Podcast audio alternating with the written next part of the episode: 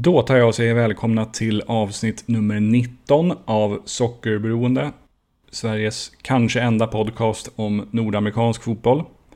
Jag heter Johan Dykhoff och i det här avsnittet har jag intervjuat Francis de Vries som är en snart 27-årig nyzeeländsk försvarare som spelar för IFK Värnamo i Superettan. Francis är född i Christchurch på Nya Zeeland och hans koppling till nordamerikansk fotboll består av fyra års collegefotbollsspelande på St. Francis University i Loretto, Pennsylvania. Tre säsonger i det som på den tiden hette PDL med Michigan Bucks och även en säsong i Vancouver Whitecaps numera nedlagda andra lag i USL. Francis draftades som nummer 29 totalt i 2017 års MLS Superdraft av Vancouver Whitecaps. Och efter att ha spenderat säsongen 2017 med deras andra lag flyttade han först hem en vända till Nya Zeeland och därefter bar det inför säsongen 2018 av till Sverige. Först spenderade han ungefär en halv säsong med Gimo i division 5 Eh, därefter en halv säsong med Nyköpings BIS i division 1 och sedan 2019 spelar han för IFK Värnamo. Hans första två säsonger med Värnamo spelade de i division 1, eller ettan som det heter nu för tiden. Men i fjol vann de serien och gick därmed upp till superettan. Värnamo har inlett den här säsongen på ett mycket bra sätt och leder superettan i talande stund. I den här intervjun går vi igenom Francis karriär från hans barndom på Nya Zeeland till den pågående superettan-säsongen med Värnamo. Bland annat pratar vi om vardagen som collegefotbollsspelare i USA, collegefotbollens eh, collegefotbollens roll i den nordamerikanska fotbollen och hur det gick till när Francis hamnade i Sverige. Det ska sägas att Francis pratar väldigt, väldigt bra svenska men vi valde att göra den här intervjun på engelska för att hans familj, vänner och tidigare lagkamrater ska kunna lyssna på och förstå intervjun. Då rullar vi igång.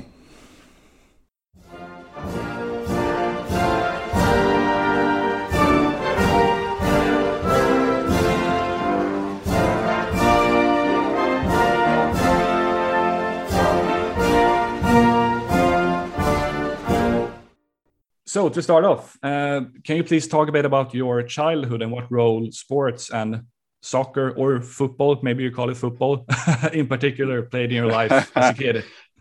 Oh, for sure. We call it football in New Zealand too. Uh, so I, I know it's soccer in North America, but we can call it football on this mm-hmm. podcast mm. if you like. Uh, but yeah, I, I grew up in a in a household in New Zealand with European parents. So my dad is from Holland and my mum is from Switzerland. So football was the sport that I was always going to play.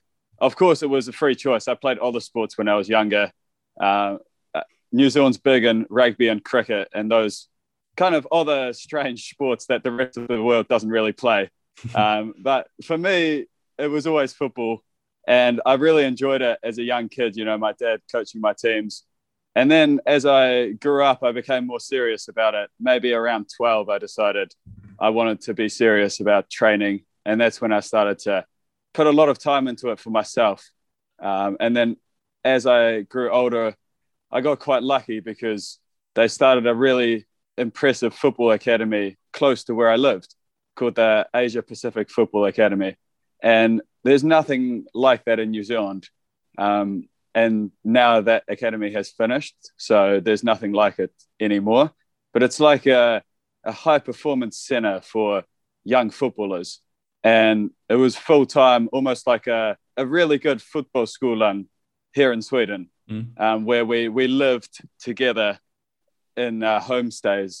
So there it was very intense training, and that set me up for being able to go to college uh, in America because I didn't know about that before I went to this academy when I was 15, and a lot of the players from that academy ended up going to college. Um, so it was the right time and the right moment for me. Uh, and I think everybody needs one of those moments to have a chance at being a professional football player, especially when you come from a small country like New Zealand, which doesn't have a very well built academy system for young football players to improve. Okay. Uh, and and you said that this like academy has since it doesn't it's not around anymore. No. How how come? Uh, I'm not sure. That's something that happened after I left. Mm. Um, it was like I'm born 94, and the age groups that were most prominent in it was 93, 94, 95, and then a little bit with the 96, 97. And very many of those players have gone on to represent New Zealand or to play professionally. And for example, Joel Stevens, who plays for Värnamo as well, mm. he came through that academy. Um, so they moved it after a while up to the Wellington Phoenix, the professional club in New Zealand. And I think the Wellington Phoenix still have an academy, and there's some academies around that area, but nothing with the scope of what the Asia Pacific Football Academy had. Okay, hmm. interesting. Um, I also read that you had a, a spell with uh, FC Basel in Switzerland as a youth yeah. player. Uh, how did you end up going there, and what was what was that time like for you? Yeah, very good question. Again, uh, circumstances were in my favor. Uh, I don't want to make it sound like it was just this popped up and that popped up and I got lucky here and there because we all know everybody who has made it to the top level, uh, or at least to a decent level, has put in many hours of training and had good coaches and had good support from their parents and all these things. Uh, but my mum is from Switzerland and I have family over there. So the opportunity came that I could go on trial with their under 19s. And so I went on trial for two weeks. It, it kind of got mixed with a family visit. so uh, it was it was quite convenient that way. But I, I went and I, I trialed there after two weeks. They decided they would like to have me uh, with the under 19s. And so I played there for six months until it became time to go to the under 21s, which I didn't make it up into. Um, so that was my short period there, which which was really interesting because as a 17 year old moving to the opposite side of the world, um, I had some family there, but you know, making new friends and speaking a language that wasn't naturally my first language, it was a big, big challenge. Um, being from an environment where you felt very supported to go into an environment where you are on your own basically for the first time, which I think as a whole, football academies tend to be like that. They tend to look at the football player first and the actual person second, mm. um, which is something that actually we're trying to change here in Värnamo. And, and you can we can talk about this a little bit later if you want, because I'm involved with the youth academy here uh, to an extent. Mm. But anyway, at Basel, very very high quality football. I think half our team, out of the 25 players, maybe 12 or 13 were on the Swiss youth national teams. Um, so I was on the bench a lot. Uh, not playing much. So it it was not a surprise that I didn't come up to the next level, uh, but it definitely set me up in a way to understand how much quality there is in the world of football and what my path would be. Because after that, I chose to go to America instead of trying to pursue a professional soccer football career from the age of 17 or 18. I, I chose to go and study instead. And for me, that was the best decision that I've made so far in my football career. Yeah. So for that, I'm very glad, and I'm very glad for all the things that I learned and was able to experience as a 17 year old, being a ball boy in the Basel first team and watching them play against Bayern Munich. Those are amazing experiences that that I would have never got if I would have stayed in New Zealand. So for those moments, I'm very very grateful, uh, and it was a it was an interesting and beneficial step in the young career that I had. I see. I see. Um, you mentioned uh, your move to the United States. Can you explain a little bit more how how the idea of uh, studying and playing football in in the United States was born, and uh, what made you eventually actually take the step and going there? Yeah, again, excellent question because it's something that is not promoted as much as it should be, in my opinion. Uh, it is a system where you can earn a scholarship to play at a university, and the universities play a tournament essentially. They have different conferences, a little bit like Ettan, Norra, and Södra, but mm. obviously on a much bigger extent because it's across the whole of America. So you play within your province or state or essentially that, and then you play some games outside of it. Um, and what you do is you you train with a team like a normal team would train five six times a week um, with games, and then you go to school as a university student. So you choose what you want to study and you get support in that sense from the whole student athlete community. And you study for three to four years or five years, even if you choose to. And maybe in Sweden, it, it doesn't sound like a, a big deal because university is free here for people from an EU country. But for someone from a country like New Zealand or Australia or, or anywhere, you know, we had students from Brazil, we had students from Mexico, um, from all parts of the world, uh, Eastern Europe. It's a big deal because you get your university not totally paid for. If if you get a full scholarship, it's totally paid for, but that's not what I had.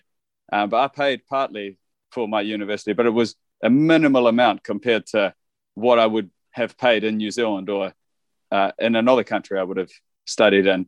And you get the whole rich experience of not just learning about something and setting up the rest of your life, but also the social side of it with meeting all the different people that come together on a university campus. You get to experience a new country as a as a young 18 to 22 year old, which is a super exciting thing. And you get to develop yourself on the football pitch and beside the football pitch also, because there's a good focus on a balance between being an athlete and also being a student. And mm. particularly the university that I went to was quite focused on giving back to the community.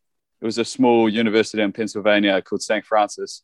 And that was really nice because you got a very well balanced education um, not just academic and sport, but also seeing how you con- could contribute to the society and make the lives of other people better each and every day. Right. Um, did you have uh, offers from other schools than St. Francis? Not really. I had a couple of offers uh, mm. from Division Two schools. St. Francis was in Division One, and I decided that I would like to play at the highest level I possibly could, which was St. Francis. Um, after a couple of seasons, I had done quite well, and there was I knew there was opportunities on the table to transfer to a, a really big schools um, that were in like the top 25 on the big conferences. Mm. Uh, I couldn't leave. Uh, I don't know. Like when you look back on it, you think like, oh, you should be selfish and take the opportunity. It's better for your future. But I don't know. When you are invested in the relationships that are around you, and we had a good team, good coaches. I really was enjoying my studies and the teachers that I had. Uh, so I chose the more well balanced route, I think, uh, which I definitely don't have any regrets doing. But I can see how people from the outside would have thought that I, I could have taken an extra challenge and gone to a really big school. Um, but in the end, I think I was I was very proud of how we did with St. Francis, and we never made it to the NCAA tournament or anything big. Um, but we we always had good, consistent, solid seasons, and the relationships that I built there, I still have them now. Mm. I still talk to my friends and some people in the school academia and that kind of thing, and that means means a lot. You know, like you know that you've made a positive difference there, and they've made a positive difference on you. Um, so that was the reason why I chose St. Francis, and I chose to stay there as well. Right. And this school, if I'm not mistaken, it's it's in Pennsylvania, and it seems to be almost yes. like in the countryside, or at least yeah. a very very small small like village in a like, like between Pittsburgh and Philadelphia. Yeah, excellent, yeah. excellent research. Uh, yeah, we uh, we didn't have much. It was one street, one muck. How do you say a petrol station, mm. and uh, that was about it. It was a little bit like we could come to this later if you're interested. But when I moved to Sweden, I started off in Division Five, playing in a small town called Gimo, north of mm. Stockholm. Uh, so there's been some experiences of living really out in the country, which is also a really good thing for football players to learn because when you are younger and you look at the pros, you think everybody lives in Madrid or Liverpool or London. And of course, many of the top football players do that there's a different world as well under where there's a lot of football players living in, for example, Värnamo is a is a middle city or Nyköping or even smaller than that when you go to Loretto, which is what our town was called in Pennsylvania. Mm. So yeah, there wasn't much going on. But did you have like um, could you uh, at least travel to Pittsburgh or or Philadelphia to experience what those cities had had to offer? Yeah, that, that's the awesome thing about Americans. I I don't know. Have you ever been over there? Uh, yeah, three times. Yeah. Okay, and you've experienced how generous and stuff they are. Yep, I sure have. yeah, there you go. So you know just as well as me. The first thing that happens is half the team is trying to invite you to come to their house for the break and to show you New York and to show you Pittsburgh and and all of that. So throughout my five years in North America, I've seen most of the major cities. Most of the time, it's been out of a bus window traveling with a football team, mm. and then like one evening where we stayed in a hotel. So I can't say I've properly experienced it like a traveler would, but you get the you get the sights, you get the sounds, uh, you get the the general impression of how life in North America is, and that was that was really really cool too to experience all of those things to see how how big everything was and how different everything was, and and especially when you contrast it to Europe, you start to understand how people think, mm-hmm. uh, which is really cool because I was a psychology major and still work in that field. So so that was a really interesting experience to have that on the side of football as well. I see. Um, apart from your um, college soccer or football uh, career, you also spent a couple of summers with uh, the Michigan Bucks, now yeah. now known as the Flint City Bucks, uh, and they have been really successful as of late. I think they won like three out of the last six seasons on that level. Uh, what makes them such a good organization, in your opinion? Yes, you're in on another good topic here because uh, I played three seasons with the Michigan Bucks uh, in the summer, and it's a I don't know what it's called now, but when I played it, it was called PDL. Yeah, uh, League Two. USL League Two. Yeah. yeah. All right. Nice. Um, yeah. So it was where all the the college players who were serious about their football went in the summer. Um, I mean, of course, you know this, but maybe your audience mm. has not heard of it before. And uh, we lived together also in a university campus, Oakland, and uh, trained four times a week, I think, and had a couple of games a week. And uh, they were so successful because the priority was people first instead of football first. And it comes down quite often to leadership and how you get the feelings in the squad. And every year I was there, it was amazing the team spirit in the squad. Um, and it started with the owner, who was a very generous man uh, named Dan Duggan, mm. and he loved football. Uh, and he he loved the social side of it too. You know, he was all about getting to know the players, and he you know he'd invite us up to his lake house when we had a couple of days off, and and it would always be like small events for the team to go and do. And uh, our head coach uh, at that time, Damir Mustafi, he was also very ruthless in the standards that he set, but you knew he cared about you. So you wanted to give him 100%. And the people that they brought in, the leaders on the team, they were very clever with who they picked. So I don't know that entire process, but I know that they looked for certain types of characters, and they obviously they picked really good players as well because a lot of the players in in those Michigan Bucks teams that I was in went on to be drafted and to mm. play professionally either in North America or in Europe. Uh, but the the chemistry we had on the team, like football, as you know, is more about the relationships between players than the actual quality of players. And wow, we we had something special there in those three years. Um, and the coolest thing was, it was so fun to be a part of, and I think it was fun for people to watch. Um, and that's what you get when you when you build a culture of caring about people, is that no matter what happens, everybody knew the next day you still were going to enjoy being with the people that you are around.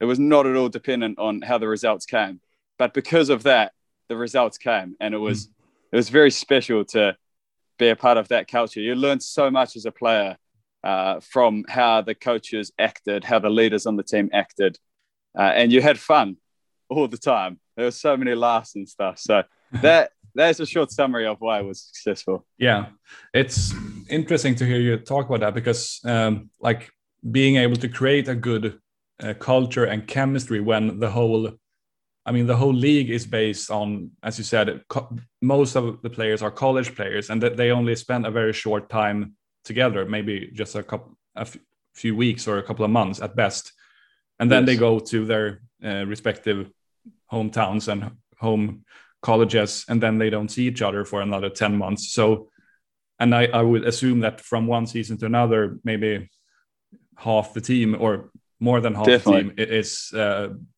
well, the, the, the, players are uh, changed. There are new, new players coming in.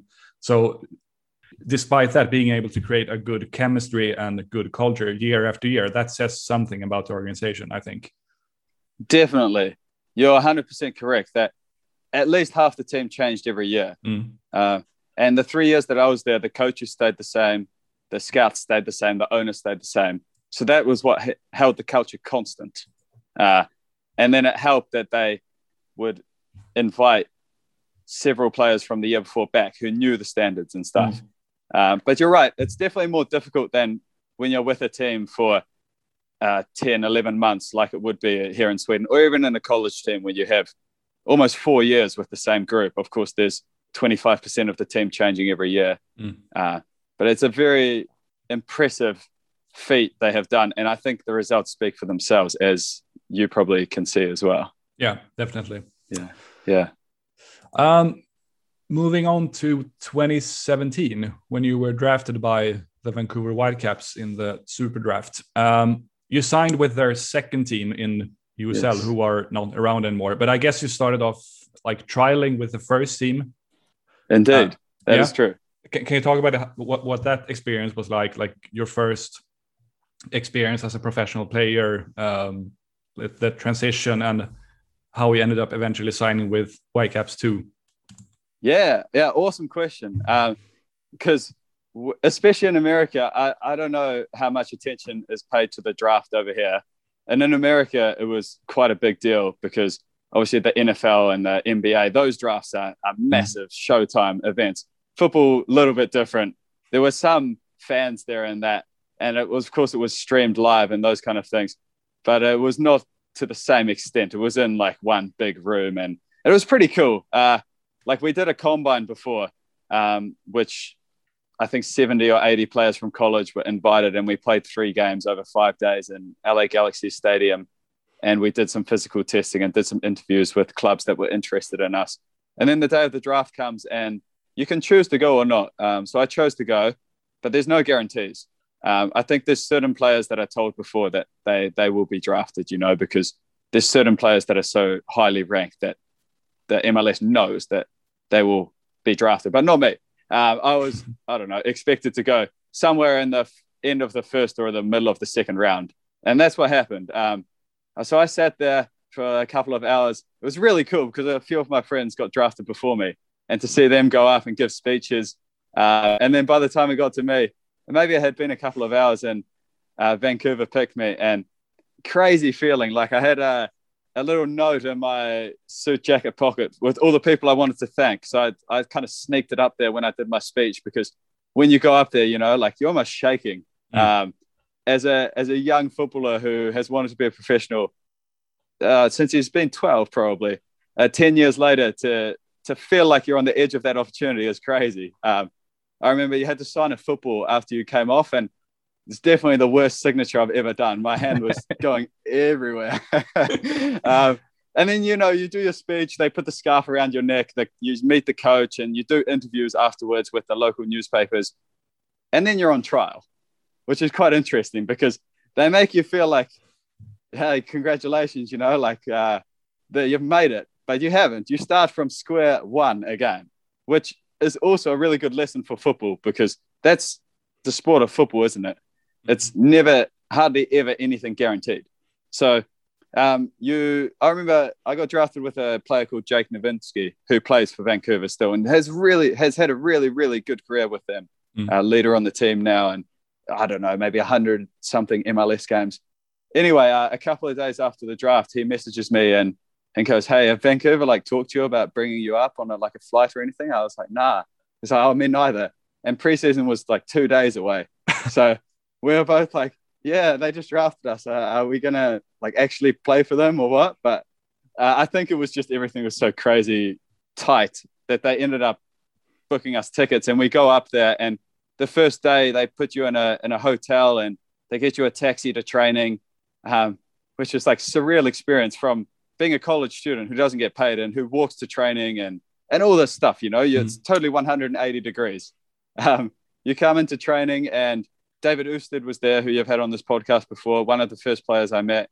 Um, the first day was fitness testing, and I, I got a ride to the fitness testing with uh, Christian Bolaños from Costa Rica, and just thinking, Jesus, I've seen this guy playing two, three World Cups, and now he's driving me around. I remember I asked him, oh, "How you feeling?" He's like, "Nah, I didn't do much in the off season uh, because some of those, you know, how the older pros are. They they have played so many years. They they know how to get themselves up in their conditioning, and and they know it doesn't really matter so much for them what they do on those days, regardless of what the expectations might be. And for us younger boys, we're thinking, Jesus, we're gonna like we have to make these standards, you know, otherwise we'll be cut straight away. um, so it was, it was quite cool to to see that whole difference of of levels. Um, and we went on two preseason trips, one to Wales and one to Portland, and which was awesome. Um, it was really good for bringing the team together.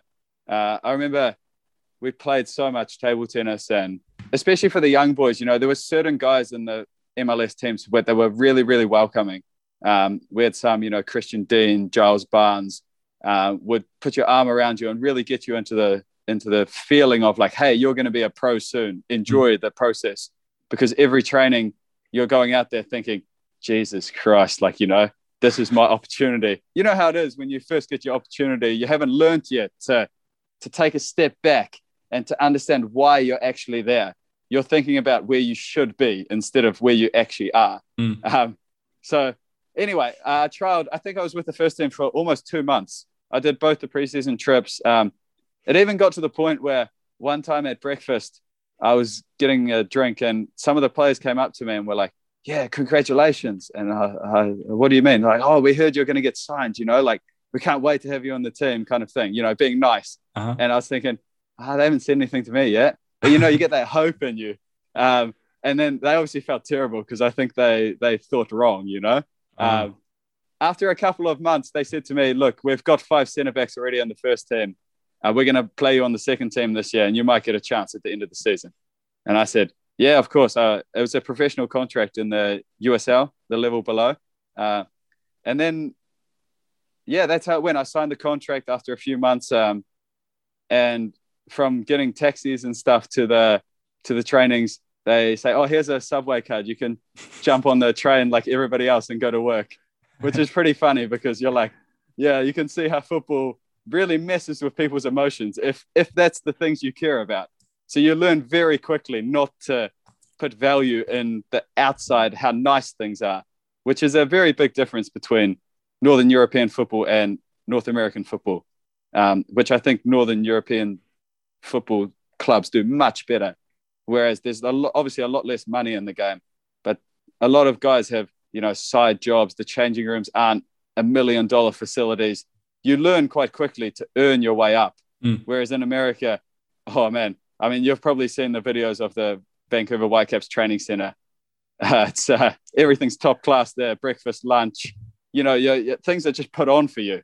Um, so I hope that gives you a decent picture of how it was to first come into a, an MLS setup and then to go into a USL setup afterwards, which was still very high quality. They they gave you a lot of things. They cared mm. about you, um, and we did. Uh, well, we didn't do good at all, but we can come on to that if you want later on. Yeah, but it's fascinating to hear. Like, um, if you compare being drafted in MLS to like uh, NFL or the NBA, like if you're drafted, I don't know, 17 in NBA, that means yeah. you're you're set for life financially. Yeah.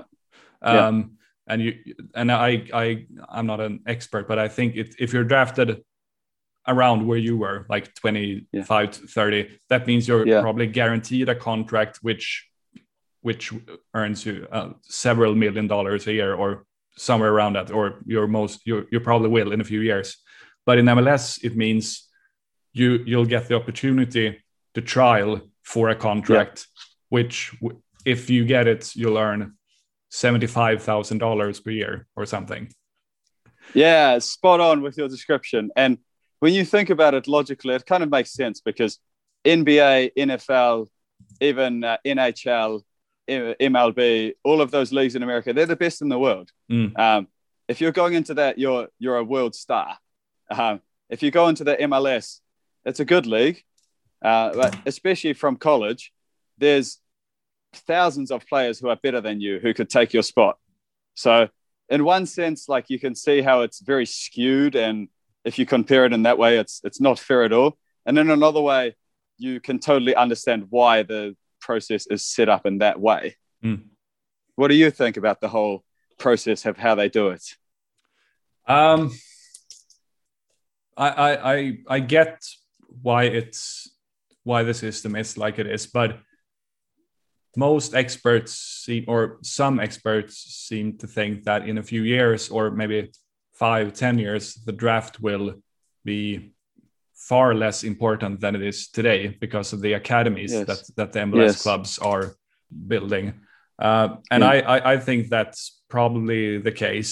Like if you just look at, for instance, the Philadelphia Union, who uh, yeah. last year I think they traded away all the draft picks because they figured, yeah. ah, we don't need them. We get we mm-hmm. get our youth players from our from our academy. Yeah. Mm-hmm. Um, so there's but but on the other hand, there are still several good players who come out of the draft, like Miles Robinson, um, yeah, Jake Nerwinski, as you mentioned, um, Julian Gressel, yeah. and so on. So I mean, I think the draft will st- will still play a role and play a somewhat important role for some years to come. I don't know how it's going to be in, in 25 years, but I I, yeah. I, I expect the draft, draft to be around for uh, the foreseeable future, at least. Yeah, let us hope so, because it gives young footballers the opportunity to get an education on the side. Yeah, and of course, if you have the potential or the the capability to play MLS when you're 18 from the academy, you can do that, and you're getting paid really well. Then it's mm. your own responsibility to get educated on the side. Maybe the club can definitely help and promote that kind of thing.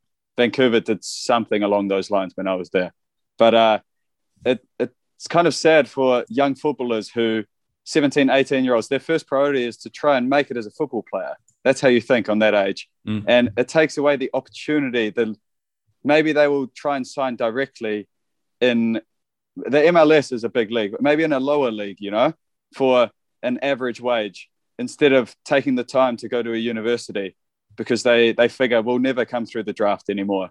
Mm. Even though, like you said, there is still value in that. And it's logical it will be less and less uh, meaningful in the coming years because of the increased youth academy setups, the better players the clubs are developing. They want homegrown talent. All of that is understandable. If you look at the human being and balance from not just the football side of things, it would be a shame if the draft stopped playing a role. Um, or maybe they could expand the draft so that USL teams could come into it. Mm-hmm. And there's only one round for the MLS or two rounds because you see people getting drafted in third and fourth rounds. They almost always go to USL teams anyway. Yeah. Um, so there's maybe an opportunity to change the draft, not to make it less meaningful, but maybe it will be a little bit less glamorous, but it will be more effective and it will still give people the chance to go to university and develop themselves as well-rounded human beings before they start their career as a as a fully professional football player. Mm-hmm. Yeah, exactly. I spoke to uh, a few, maybe like one or two months ago. I spoke to a board member of uh, one of the FC Cincinnati supporters groups, and he dis- I, yeah. I, re- I really liked how he described the draft because it's at the moment, and it probably has been for many years. It's somewhat of a lottery because yeah. you cannot like uh, if if uh, one team picks a player and he ends up being a 100 cap US men's national team player, and then the guy who who selected two picks later he doesn't play soccer at any level two years from now yeah. So, yeah. which i mean it's which which is to me really fascinating because if, yeah. if, if, if someone is picked seven and another player is picked ninth you would you would assume that they are somewhat similar level yeah but i mean but it's fascinating to like okay what, what does that say about uh the scouting that two yeah. players are deemed about as about similar uh, in quality but yeah. their their careers end up so completely different so completely di- yeah. differently yeah fascinating to see the differences and we started this conversation a little bit about talking about circumstances how mm. they you need that circumstance to go right for you uh, that's part of it part of it is also probably the attitude of the player um, the ability to perform under pressure. Uh, those kind of factors play an influence in terms of if they're going to come into a, a high pressure environment and do well, or um, you know you you never know which timing is going to be right or wrong. Um, you know, for example, we might have an injury in front of you, or um, you might get injured yourself. Um, it could it could come down to priorities too. A lot of yeah. North Americans are used to having a very very good lifestyle. They, for example, I don't think many of them would even accept the conditions in which a lot of Superettan clubs operate. Um, and so they play maybe one year of USL and think, yeah, it's, not as nice as I thought it was going to be. I can go and get a normal job, and mm. and money's so important over there. I'll, I'll earn better doing this, and I'll have more comfortable life doing this, and and they quit. So you get one person who goes and plays so many games for the US national team, and another player who who is nowhere, like you said, um, yeah. and and that's their personal choice, uh, but highly influenced by other factors as well. Uh, really, really interesting conversation point. Yeah, definitely. And as yeah. as you said, there are always like um, different uh, circumstances and just um, like for instance, like if if you let, let let's say you're a really good striker coming out of college, and then the team gets an opportunity to sign like a really big name player from Europe, of course, yeah. of course they're gonna pounce on that opportunity, and then you you you'll end up being the third choice instead of the second yeah. choice, and that's of course gonna mm-hmm. affect your playing time. Definitely. Um, so there are many many factors uh, sort of affecting your uh, how your career is gonna turn out. Um, I think we'll um, move on to your to your career in Sweden. I, I, actually didn't know that you had played in uh, Gimo. That was news yeah. to me. Uh, when when when was that, and how did you end up in Gimo?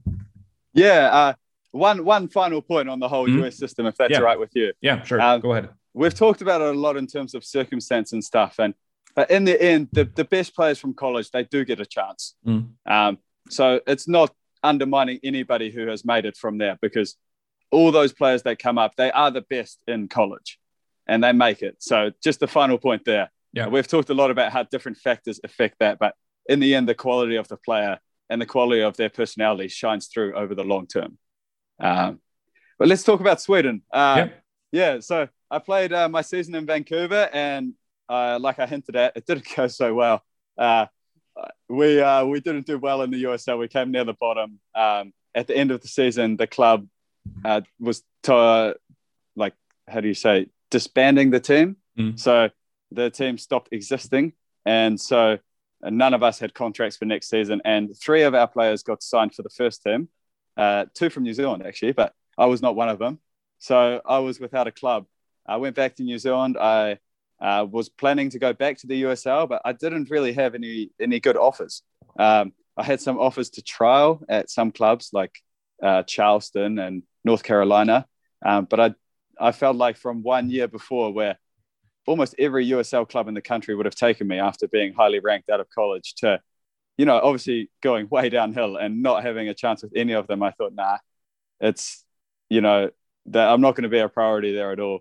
Mm. So I had nothing for a while. I was playing in New Zealand in the in the local top level there, which is very amateur. Um, it's set up quite well, and you get paid and stuff, but the level is is nothing comparable to any serious North American or European standard.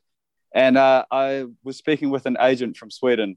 Um, and after a while, it became April, and our season finished in New Zealand, and the transfer window was closed here. So he he asked me, you know, like if you want to, I can set you up with Gimo because he had connections with his family in the club, and they uh, can pay for your accommodation and uh, some food and these kind of things, and, and you won't get play, paid because it's such a low division. Uh, but uh, after a couple of months, I can try and fix some trials in Division One for you, which is pretty much the lowest acceptable level for a foreigner to play at to be called like to have a life, basically. Yeah. Of course, you can play Division Two, Division Three, but it's not sustainable for anyone coming from a different country. Um, anyway, I had a European passport, so that was an advantage.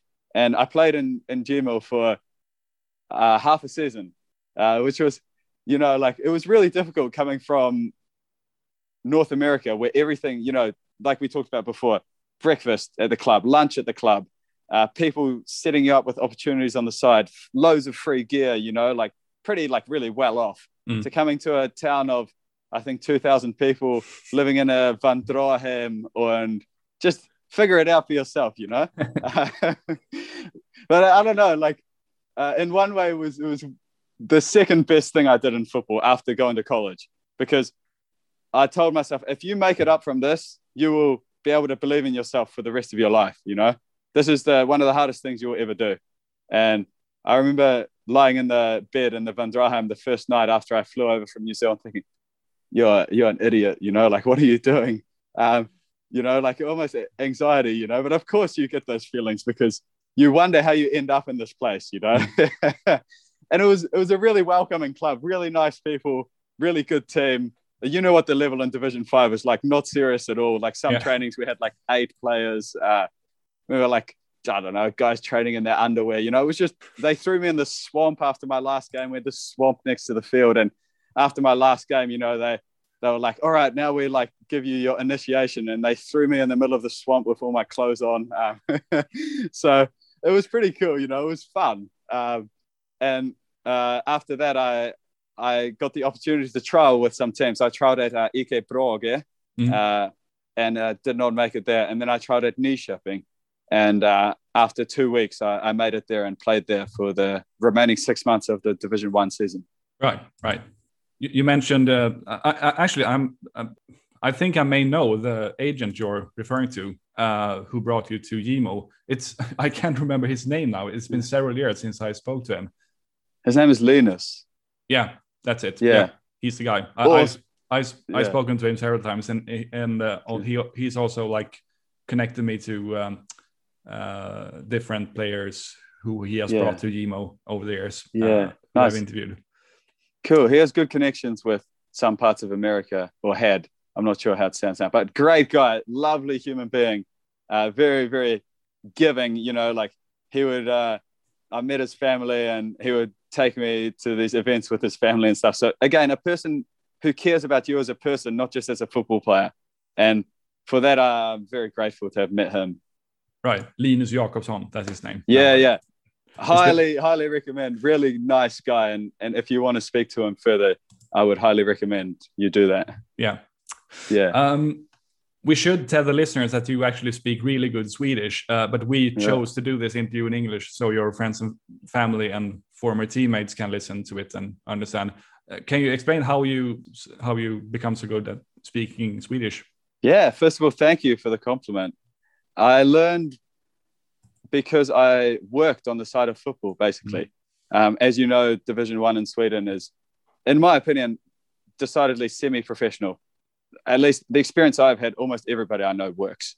So uh, when I was in Nyköping, I started working as a, a ventilation technician, mm. which um, when I was in, I had no idea what it was. I, have a university degree in psychology, so I never thought I'd be fixing people's ventilation. Um, which was it was actually awesome because it was a small company, really nice people, and it was interesting to go into people's homes every day and to understand how a Swedish person lived and get to meet people. And you get so far outside of your comfort zone. Like my Swedish was non-existent in the beginning, and then uh, the company was nice. They let me speak English, but after a while, you start to you start to learn some Swedish from the people that you interact with. And after several months, uh, I had picked up a little bit, but still, when I came to Värnamo at the start of uh, the next season, I, I, was still speaking English almost mm. all of the time. Um, and then when I came to Värnamo after a few months, I got a job in a factory um, called Technique, working with like zinc pieces and stuff. And and there, when I had my interview, the interview was in English. And after the interview, we agreed that I would only speak Swedish in the workplace. Mm. So uh, it, was, it was full of so many funny moments because you know how it is when you speak a language that you are just learning. You you say the wrong things and you you don't understand people, and uh, it was sometimes it was really difficult because you felt really awkward and you had to be accepting that you would feel stupid. Um, which is a normal part of learning. You know, the, the more mistakes you make, the more open your brain is to learning the new thing. Um, so yeah, after a year maybe in the factory, I was feeling good enough to be able to speak Swedish with everybody. So I was still at times speaking English with teammates um, with my girlfriend here, Lisa. And after a while, um, I asked all of them in stages, hey, can we speak only Swedish now? Mm. Because I think it's important for both of us because we're living in Sweden. You know, if I was living in New Zealand after a while, it would be nice if people spoke English.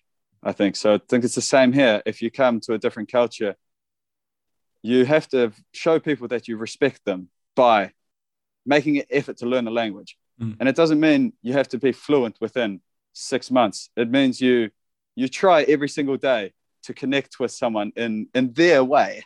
Um, and so yeah, over the over the years, uh, I learned. I wrote things down in a book. I started reading Tintin in Swedish, and then I, I've reading like you know Anders Hansen books in Swedish now. Mm. So you develop over time, and it's a long process with many many mistakes. But that's the the gist of it of how I came to learn Swedish. So thank you for your interest in that.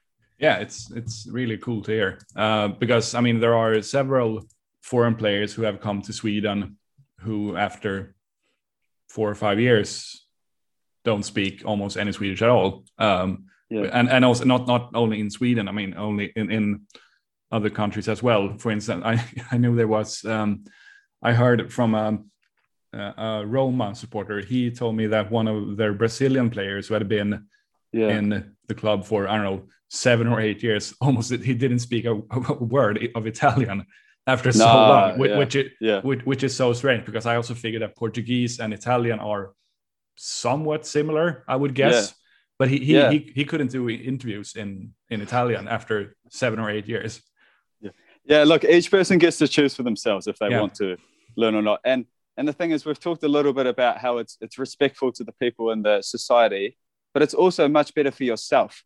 If you think about it from a selfish perspective, learning the language opens up the opportunity to connect with people in that culture. Mm. And it must be quite a lonely experience to not be able to connect with 95% of the people around you if you don't learn the language. And and for me, learning Swedish has opened up so many opportunities. Like I, I work now as a gym instructor, which I'm really passionate about. And so I speak Swedish every day in front of you know, between 10 and 12 people mm. uh, in a group class, which is awesome. And, and, you know, you start to find ways to let your sense of humor come through.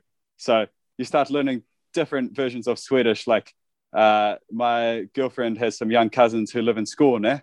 Mm. And so you start throwing in school words from Skåne in the classes and you see how the people from Småland react to it and, and get all fired up. And you know how it is. When I came to Gimo, they said people in Stockholm speak perfect Swedish and everybody else's Swedish is rubbish. So, you know, you get such a deeper understanding of the culture and and it means so much more to you to be. You feel so much more pride. Um, you can connect with the supporters. You know, like you know the old guys who come to training three times a week and they love the club. You can go and say hi to them and ask them how they're doing in their language. And for those people, it must it must mean a good amount. And for me, it means a lot too, because it allows me to feel like I am being thankful for the opportunity that has been given to me here, that I can pay it back a little bit. Yeah, I understand. Yeah. Um, let's talk a bit about the on, uh, on the field um, yeah. things uh, this season. You were promoted to Superettan uh, last year, and you've started this season really, really well. Um, Thank you. You're in first place, uh, if not mistaken from your pers uh, perspective, why have things gone so well so far? Yeah, nice question. Uh, I think uh, we kept the spirit that we had last year within the team quite well. So it's a little bit like how we talked about with the Michigan Bucks. Mm. Um, that every situation is different, every team is different, but the core principles are relatively similar across successful teams. And you know, there's a whole literature on this in books and from all walks of life, you know. But for us, I think when you're related to Värnamo, we have a very humble outlook on the game. Um, there are almost everybody going in the same direction, I think. Um, we have really strong leadership in Jonas Thern, who mm. I don't know if you have spoken with him before, but I don't think he needs to be introduced to anybody. Um, really, really good perspective on the game. You know, again, focused both on football and on who you are as a person. Uh, you know, the character the hard work, these things come first. And I mentioned it before, but you know, the relationships between the players mean more than the quality of the players themselves. So, as a newly promoted team, that's the things that you can choose to focus on because the other teams might have players who have played at a better level before. But like we've talked about in this conversation, football, it doesn't matter what you've done before. The, it matters what you do in the moment. And so far in the Superettan, we have been proving that we are on a level with the other teams. Uh, and the season is still young. You know, there's many things that can happen, um, and we're definitely not getting ahead of ourselves. We know there's many things that we need to improve on too, and other teams will improve too. You know, so we need to keep getting better as well. Mm. And if we are successful in that process, I think we can be very proud of the season because as of right now, it feels great to have started well, but it doesn't mean anything if the next games, 20 games go badly, uh, because that is how football works, doesn't it? Uh, what you do a couple of weeks ago is forgotten quite quickly. Exactly. Yeah. Uh, what What do you feel about the the progress of Värnamo, like from an outside perspective? How have you seen it? Um, I have to admit, I, I don't follow Superettan that closely. My favorite team is Hammarby. However, Hammarby yeah. they, they, were in Superettan uh, like, yeah. Uh, six yeah. or seven years ago, so they they played uh, Värnamo uh, during those years. Uh, yeah, and I remember it as being sort of uh, like one, one of those one out of many small small city Superettan clubs. I, I didn't really like pay pay much attention to them really. Yeah. Uh, mm-hmm. But I but it's I have been impressed with your results so far. Of, of course, Thank I mean, you. being a newcomer yeah. and being in first place is really something. Even if the the season, as you said, is still young. Uh, and you you played uh, mostly or perhaps only left back this season. Is that correct? That is correct. Yeah. Uh, uh at some stage, my first season in Värnamo, I moved from playing mostly central defender to left defender, mm. which is really cool. Uh, it's really fun to play left back to contribute to the team more going forward and also defending. Uh, we have really good centre backs in the team who I think in a few years will be playing at a much better level than Värnamo. Uh, so I'm very happy running up and down on the left with my New Zealand friend Joel Stevens. Uh, we're Kiwi Compton has been the nickname for us in the last uh, few games. So yeah, it's it's nice to have a good relationship with uh, him in front of me. So we we understand each other well. Mm. We work hard for each other, uh, and I enjoy playing out there at left back. And to be fair, when you're on the pitch, you can't complain. You play anywhere. If you're playing, man, it's an awesome experience even goalkeeper if you have to. oh, maybe. Uh, I wouldn't say too much. I because I sometimes I work with the Värnamo Academy and they didn't have a goalkeeper a couple of weeks ago, so I jumped in goal for their some parts of their drills. And yeah, let's say it's not that good for your confidence when 17 year olds are chipping you and putting the ball wherever they want. So let's uh, we have two, three really good goalkeepers in Värnamo. So for now, they you know that's for them to do. Yeah, hopefully you won't yeah. have to play in goal then. we'll uh, see. We'll see. uh, is is there any uh, um, team or or opposing team or opposing player that have impressed you so far in Superettan? Yeah, look, I think because I played at quite a high level in North America, and then I came through the system here in Sweden. It's been very interesting to see how you view on the game changes. You know, when I was playing in North America, I would think about all the players like, yeah, he's not that good, you know, like this, that, and that. And now that I've been through the Division Five, Division One, Superettan, I look and I think, Jesus Christ, everybody on this pitch is good. And that's something uh, no one can say anything about. Like everybody who is playing in the Superettan is a good player. Um, and they're there for a reason. So I know it's a very general, uh, maybe you can say it's a Swedish answer, but I am almost continually impressed with the quality of everyone and every team that we play against um, in terms of, you know, the dedication and the ability and the hard work that the players have. Um, some of my favorite players, I, I'm going to be biased because I've played with these players before in Nyköping, but uh, I really like to see the guys that I played with before doing so well. So, mm. you know, Marcus Burman for Akropolis, one of their best players. And uh, we played against Halmstad in preseason, and uh, a guy I played with, Samuel Kroon, plays.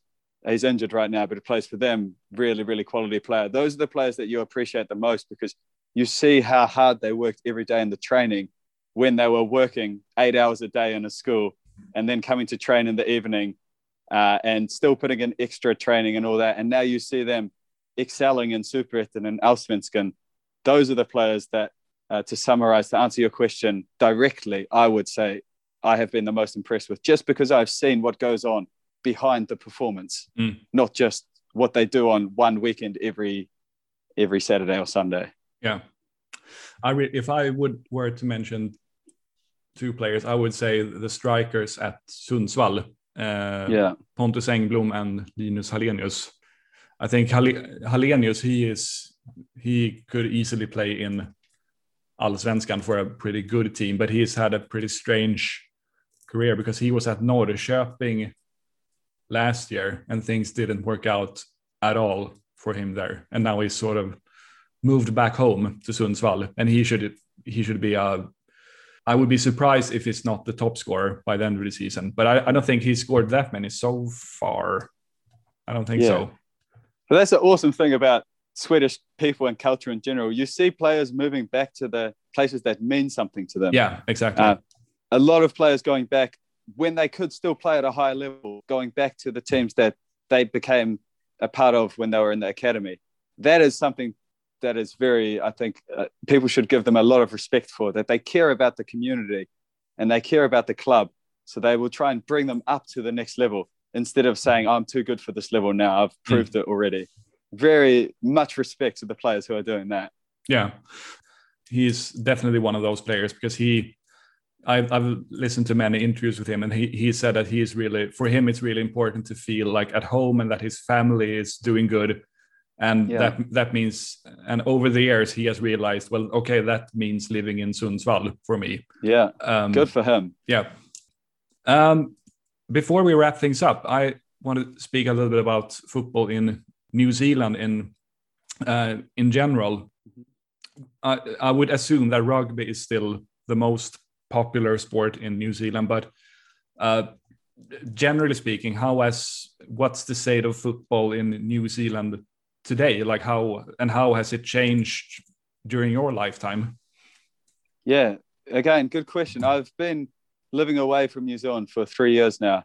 So it's been a while since i i know exactly how it works on the everyday level. Mm. but i know they're changing the system now that they're making the national competition into a club competition instead of into a state competition. Uh, so they're trying to promote a more hierarchical way of coming through the youth academies up into the first team kind of thing. And it's got a very long way to go before it's professional, both in terms of financial and in terms of quality. Uh, as a young player, there's certain opportunities that are developing in terms of some academies that have been set up. Uh, we only have one professional club, Wellington Phoenix, uh, and then who play in the Australian League, where I think New Zealanders are also considered to be a foreign player there. And I think, like in the MLS, they have a limit. Mm. And I think it's five. I'm not sure. I, I, haven't checked for a while. So it's quite difficult for even New Zealand players to play in Australia. Um, obviously, you have to be like one of the outstanding players on the team to come in there. Um, so it's quite a hard way up. And that's why you see many young New Zealand footballers going to college. Um, it's kind of the natural progression. The, the very best go to youth academies in Europe or make it professional within Australia and New Zealand. And you can see that in the last few years, it's quite difficult to see from the outside because we haven't played a national team game for, I think, a year and a half now. Oh, right. There haven't been any friendlies or anything. But the, the players that are developing are, are much better technically than in the past. Uh, we have certain players that are playing in top levels. Um, of course, like every country has one or two, but we are getting three, four, five now. Good technical players uh, playing in top leagues in Europe or in the MLS. There's mm. quite a few there, like you no doubt know. So it's quite nice to see that the coaching is getting better at younger levels, that we're developing better players. and people are starting to care more about developing young footballers as well as developing rugby. And of course, it's it's behind in terms of finances with rugby and cricket and other sports. Uh, but over time, New Zealand is such an outdoor country. Everybody is loving sports and these kind of things. So mm. it would not be a surprise if in the coming years, if the organization has the ability to play more games, that you see more New Zealand quality coming onto the national level. Even if you look at someone playing for Värnamo like Joel Stevens, who mm. has gone through a very roundabout way to becoming a high quality professional footballer, you can see his quality as a technical, as a tactical, as a physical football player. Um, so yeah, there there are players coming through out there and players already proving it. So it's an exciting time, I think, in the coming years. Is it only, or is it is it in some ways a bad thing for New Zealand that Australia has left the OFC because now there are very few or maybe no countries in the OFC that that can compete with New Zealand. Like if you play the Cook Islands, yeah. it, it's not a mm-hmm. you know that you'll win basically. Yeah, yeah. Look, uh, okay that's that's a statement that cannot be contradicted. And I think everybody has their own opinions in terms of where New Zealand should be and stuff. I think Australia has shown a fantastic example in going to Asia because New Zealand could, I don't know what the logistics are, but they could, in theory, follow that, mm. which would give us the opportunity to develop much more as a country, to test ourselves against countries who are better than us.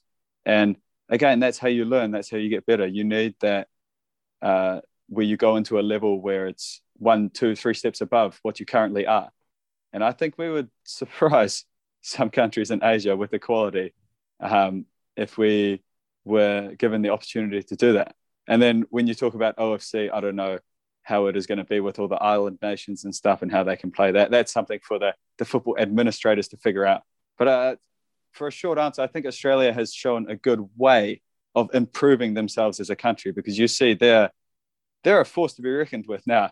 Mm. Uh, maybe not within the top top international teams, but very good international team that makes it to every World Cup that is always competitive um, because of the choices that they have made in terms of developing their sport, both on an academy level and on an international level, and choosing to take that next challenge. Right, right. What do you think? Have you seen I, any New Zealand games? not, not not as of late. I, I think the last yeah. the last time must have been when they were in the World Cup in what was that? Yeah, 2010. Yeah, uh, yeah. And uh, I mean, since I'm since I'm like a, a, fan of like obscure football, I always enjoy watching these uh, smaller nations in in the World Cup and the Euros as well. Uh, so I I always uh, tune in to watch New Zealand and Honduras and uh, yeah uh, Togo yeah. and and what have you. Yeah, fantastic. Uh, and I because of my interest in in MLS, I I also come across a lot of New Zealand players like Michael Boxall, Bill Tuiloma. Yeah.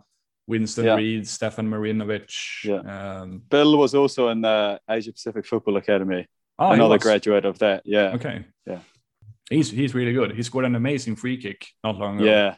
You see the swerve on it. Yeah. yeah. it was so some, good. Definitely uh, one of the best goals of the season so far, and there's been quite a few already. Yeah, that is uh that is the beauty of watching North American soccer, shall we say? Eh? There's there's always something out of the box that happens yeah. every single game.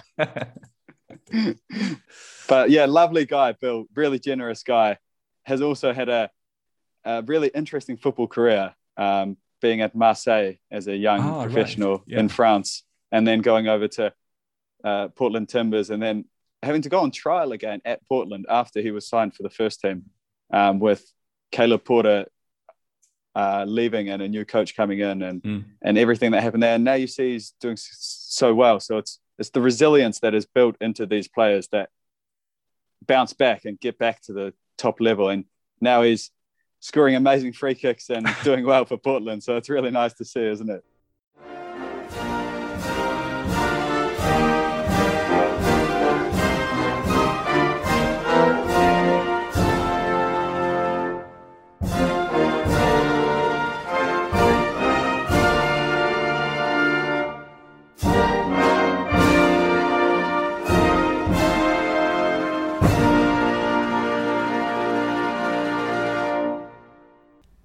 Sådär ja, då tar vi och tackar Francis de Vries för att han tog sig tid att ställa upp på den här intervjun. Och vi önskar honom givetvis all lycka framöver med sitt IFK Värnamo.